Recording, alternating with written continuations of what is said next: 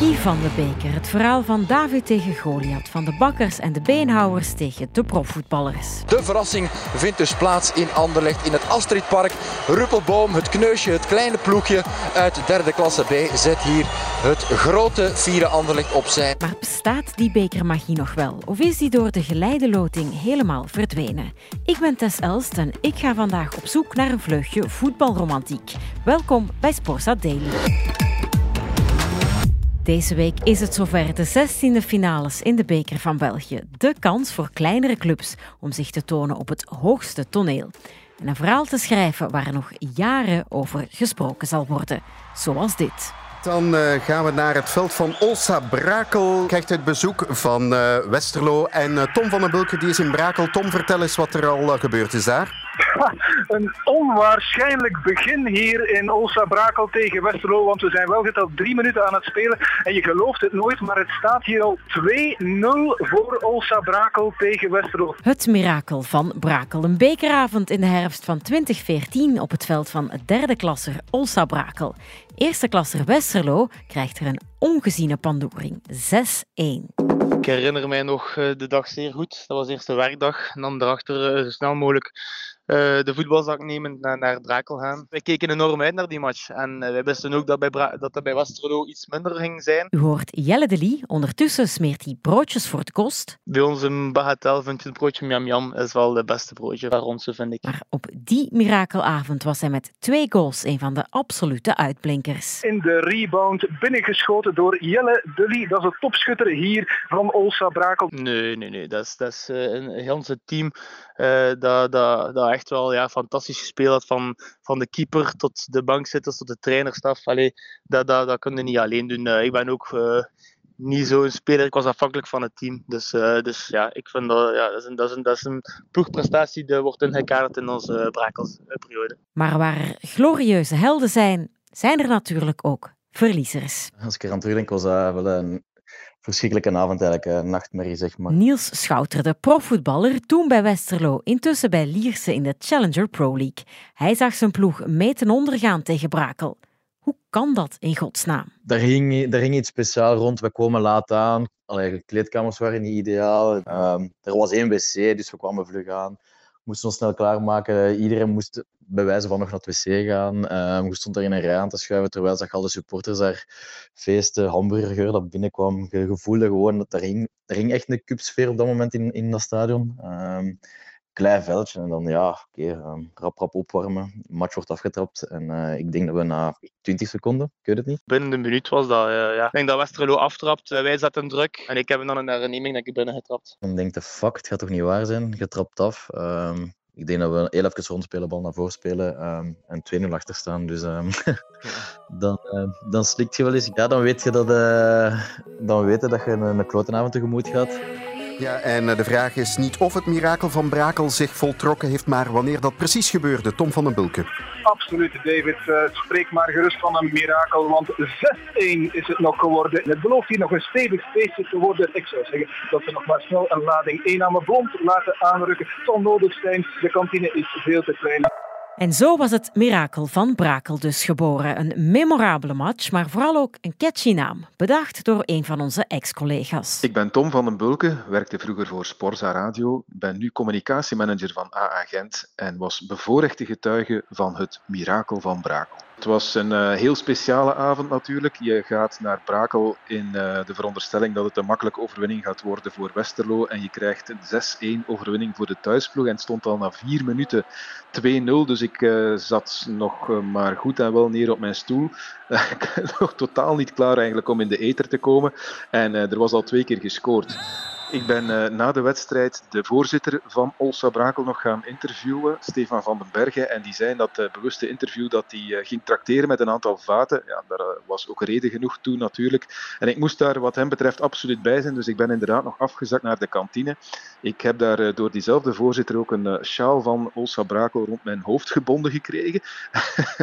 dus um, ja, dat waren wel tafereelen moet ik zeggen. Dit was echt wel inderdaad ja, genieten. Gewoon door het onverwachte verwachten van die avond. De sfeer die er hing, het feest achteraf, dat maakte eigenlijk alles compleet. Al moet ik zeggen, de wedstrijd tegen KV Mechelen, die dan uh, x aantal weken daarna kwam, was ook heel leuk. Die heeft Brakel weliswaar verloren.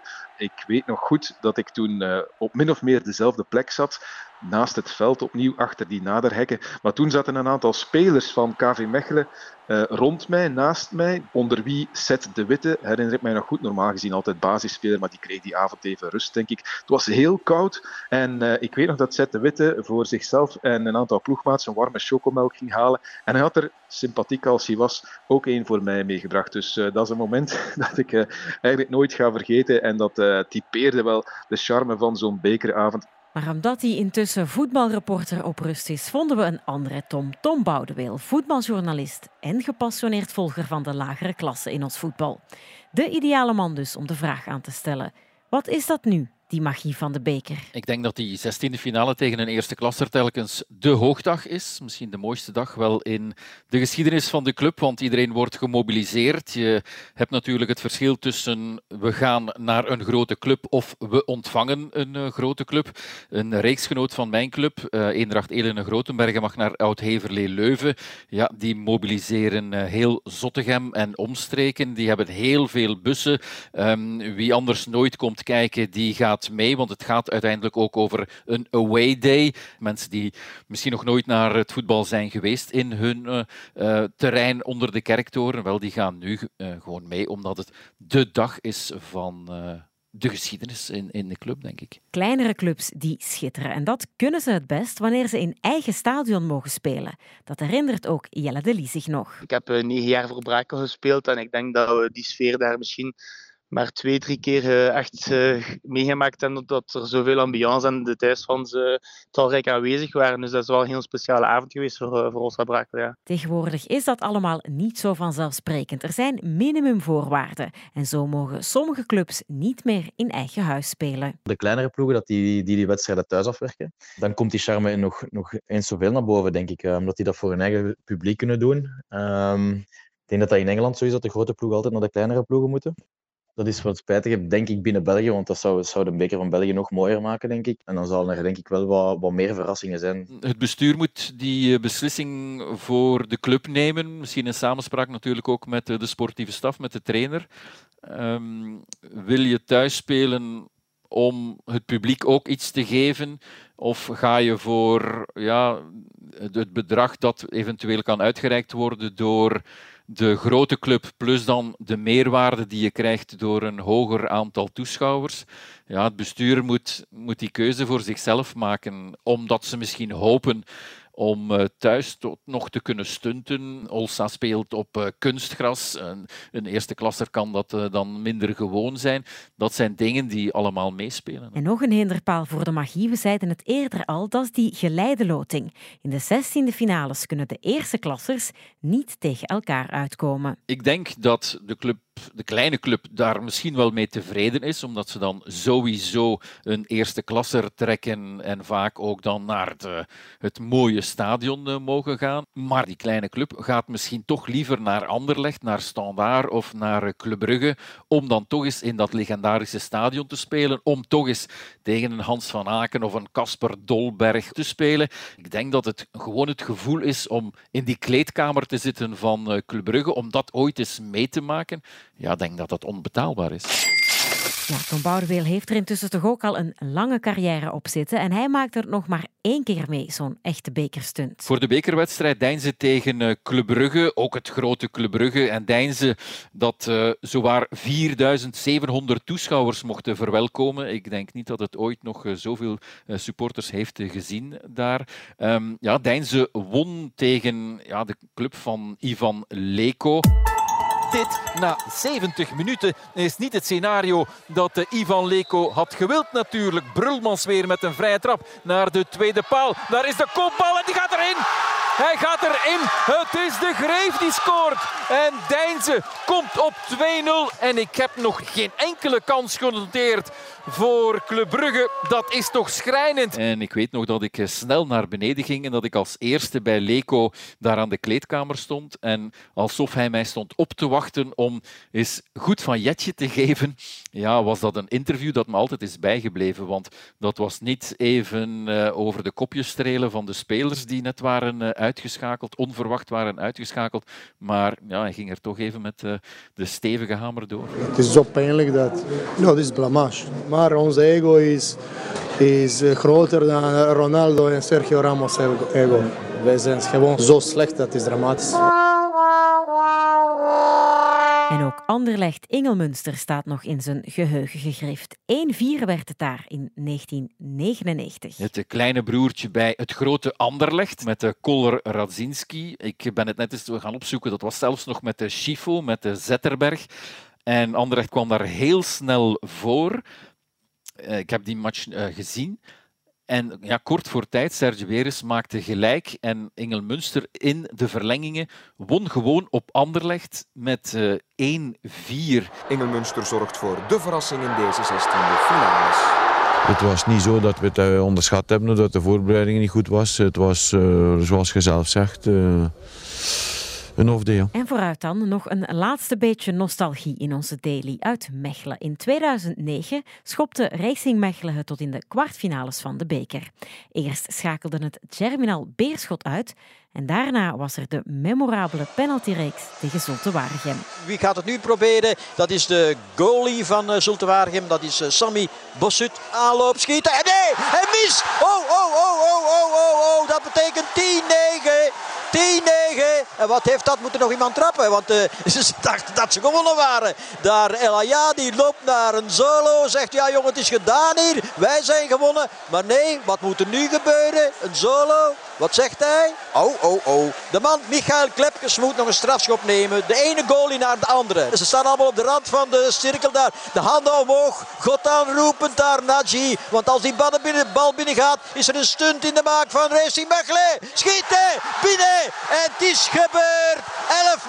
11-9. En ze spurten naar hun supporters toe. Jongens, jongens. Ja, sensatie hier in het stadion. Krijgen we deze week weer zulke mooie verhalen? Misschien wel voor Niels Schouterde, want die staat intussen toch eerder aan de kant van de underdog. Hij speelt met Lierse tegen titelverdediger Antwerp. Niet de makkelijkste loting, maar het waren de onschuldige handen van Obi Oulare die de balletjes zo'n maand geleden uit de trommel haalde. Oulare die zelf nota bene, net als Schouterde, bij Lierse speelt. Heb je zelf een voorkeur van team dat je zou willen loten? Ik hoop op een Antwerp thuis. Dat zou mooi zijn, maar wat is de kans? Heel klein.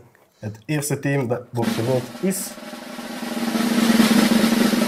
Royal Antwerp Voetbalclub. Royal Antwerp Voetbalclub. Wat is de kans? Ja. Mooi om te beginnen. Zeker, voilà. zeker. Vanaf de loting um, allee, gebeurd is, dan uh, is iedereen, kijkt iedereen er echt naar hard naar uit. Ik denk dat elke speler binnen de kern die die wedstrijd gaat willen spelen.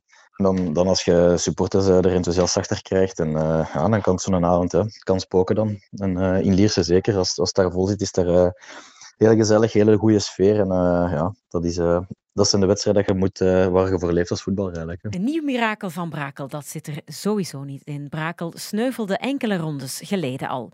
Maar misschien krijgen we wel een ander sprookje voor amateurclub Helene Grotebergen.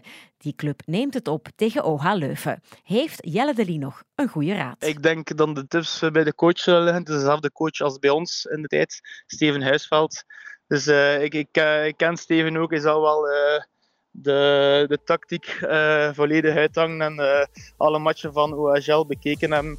Dus ja, dat, heb ik wel zien passeren en dan denk je daar nog een keer meer aan. En natuurlijk tegen Leuven kan dat ook uh, misschien wel gebeuren, hetzelfde. Ik hoop het voor hem. OH Leuven is dus gewaarschuwd, want de mirakelcoach komt naar ten dreef. Al klinkt Mirakel van Helene Grotebergen net niet even catchy. Daar moeten wij dus nog even over nadenken. Wat ons betreft tot morgen. Maar voor nog veel meer bekermagie zit je deze week sowieso goed op Radio 1.